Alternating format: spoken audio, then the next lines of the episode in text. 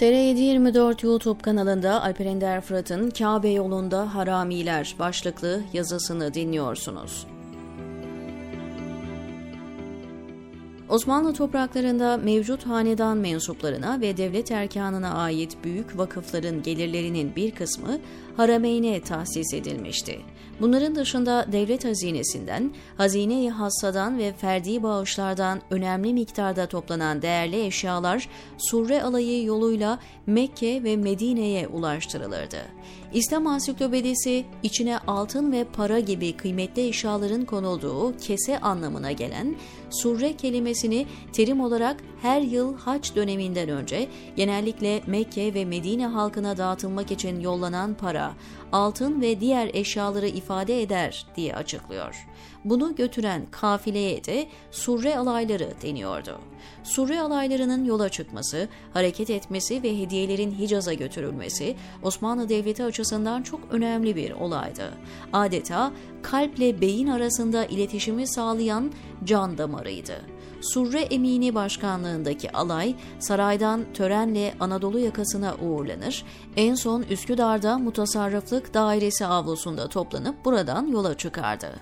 Surre törenleri sırasında halk boğazın iki yakasında toplanır, bütün bir şehir bu yolculuğa şahitlik ederdi. İstanbul halkı içinde yılın en önemli, en itibar edilen dini merasimiydi. Sirkeci'den başlanır ve Üsküdar, İzmit, Akşehir, Konya, Adana, Antakya, Hama, Şam, Maan üzerinden Medine ve Mekke'ye ulaşılırdı. Sadece Haremeyn değil, Konya, Antakya, Halep, Şam gibi önemli şehirlerin payitahtla iletişimini sağlayan bu alay yolculuğu haç dönemine denk gelecek şekilde Hicaz'da bitirilirdi. Diğer şehirlerden hacca gidecek olan hacılar da yolda bu kafileyle birleşirdi. Tabii bu kadar değerli eşyalar taşınır da kafileye hırsız ve haramilerin ilgi duymaması mümkün olur mu? Bazı yıllar harami çeteler haç yolcusu kılığında kafileye katılır, kafile ıssız, tenha yerlere gelince haramiler gerçek kimliklerine bürünür, bütün kafileyi soyup değerli olan ne varsa el koyarlardı.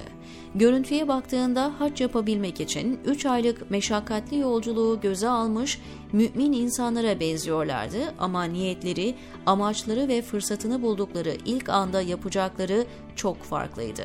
Fethullah Gülen Hoca Efendi'nin bu ülke kırk haramileri Kabe yolcusu sandığı sözü sanıyorum bu tarihi gerçeğe dayanıyor. İşte bugün tam da bununla karşı karşıyayız. Kabe yolcusu zannettiğimiz insanların meğer at hırsızı haramiler olduğunu görmenin derin travmasını yaşıyoruz. O haramiler ilk ellerine geçen fırsatta maddi manevi ne kadar değerimiz varsa hepsini çalıp yağmaladı.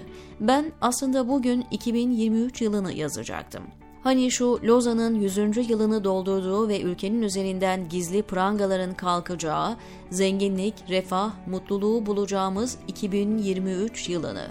Kabe yolcusu zannettiğimiz bu kırk haramiler bir nesli bu mavallarla kandırdılar. Sağcı mahalle on yıllarca Lozan'ın gizli maddelerini konuştu ve bundan kurtulmanın hayallerini kurdu. Bu efsanenin en önemli anlatıcısı da at hırsızlarının akıl hocası Kadir Mısırlıoğlu ve benzerleriydi. Ak haramiler tabanını işte bu yalanla domine etmeye devam ediyor. Bu yıl 100 yıllık esaretin biteceği, Lozan'ın gizli maddelerinin kalkacağı, madenlerin, petrolün, gazın artık çıkartılacağı yıl. Sihirli değneğin dokunup dünya lideri öncülüğünde Türkiye'nin şaha kalkacağı yıl gelip çattı. Tabii bu arada yıllardır bu efsaneyi anlatanlara sormak lazım. Dünyaya posta koyan, Amerika'yı, Avrupa'yı yola getiren dünya lideri Lozan'ın gizli maddelerine niye uymak zorunda kaldı bugüne kadar? Düşünün dünyanın ödü koptuğu bir lideriniz var ama evinizdeki, bahçenizdeki paha biçilmez hazineleri çıkartmıyorsunuz. Bu nasıl dünya liderliğidir? Ev sizin, bahçe sizin, arazi sizin, Kim tuttu bugüne kadar elinizi?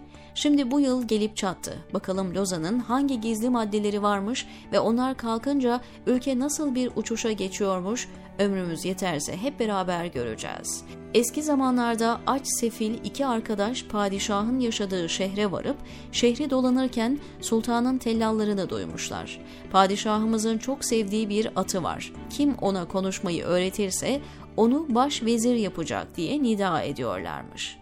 Aç arkadaşlardan birisi hemen atılmış, ben demiş öğretebilirim. Bu söz üzerine adamlar apar topar alıp padişahın karşısına çıkarmışlar. Padişah hiddetli bir şekilde sormuş. Demek sen atıma konuşmayı öğretebileceğini söylüyorsun. Öğretemezsen kelleni alırım demiş. Adam öğretirim padişahım ama bana iki yıl mühlet vermeniz lazım deyince padişah bu şartı kabul etmiş.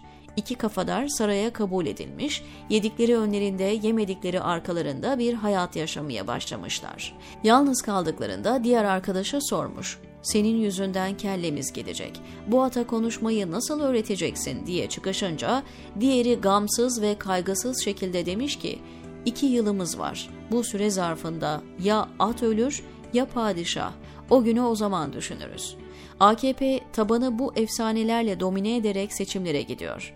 Atı alıp bir kere daha Üsküdar'ı geçerse Lozan'ın gizli maddeleri meselesi ölür, ölmese de onu ona ne diyecekleri gün düşünürler, diyor Alper Ender Fırat TR724'deki köşesinde.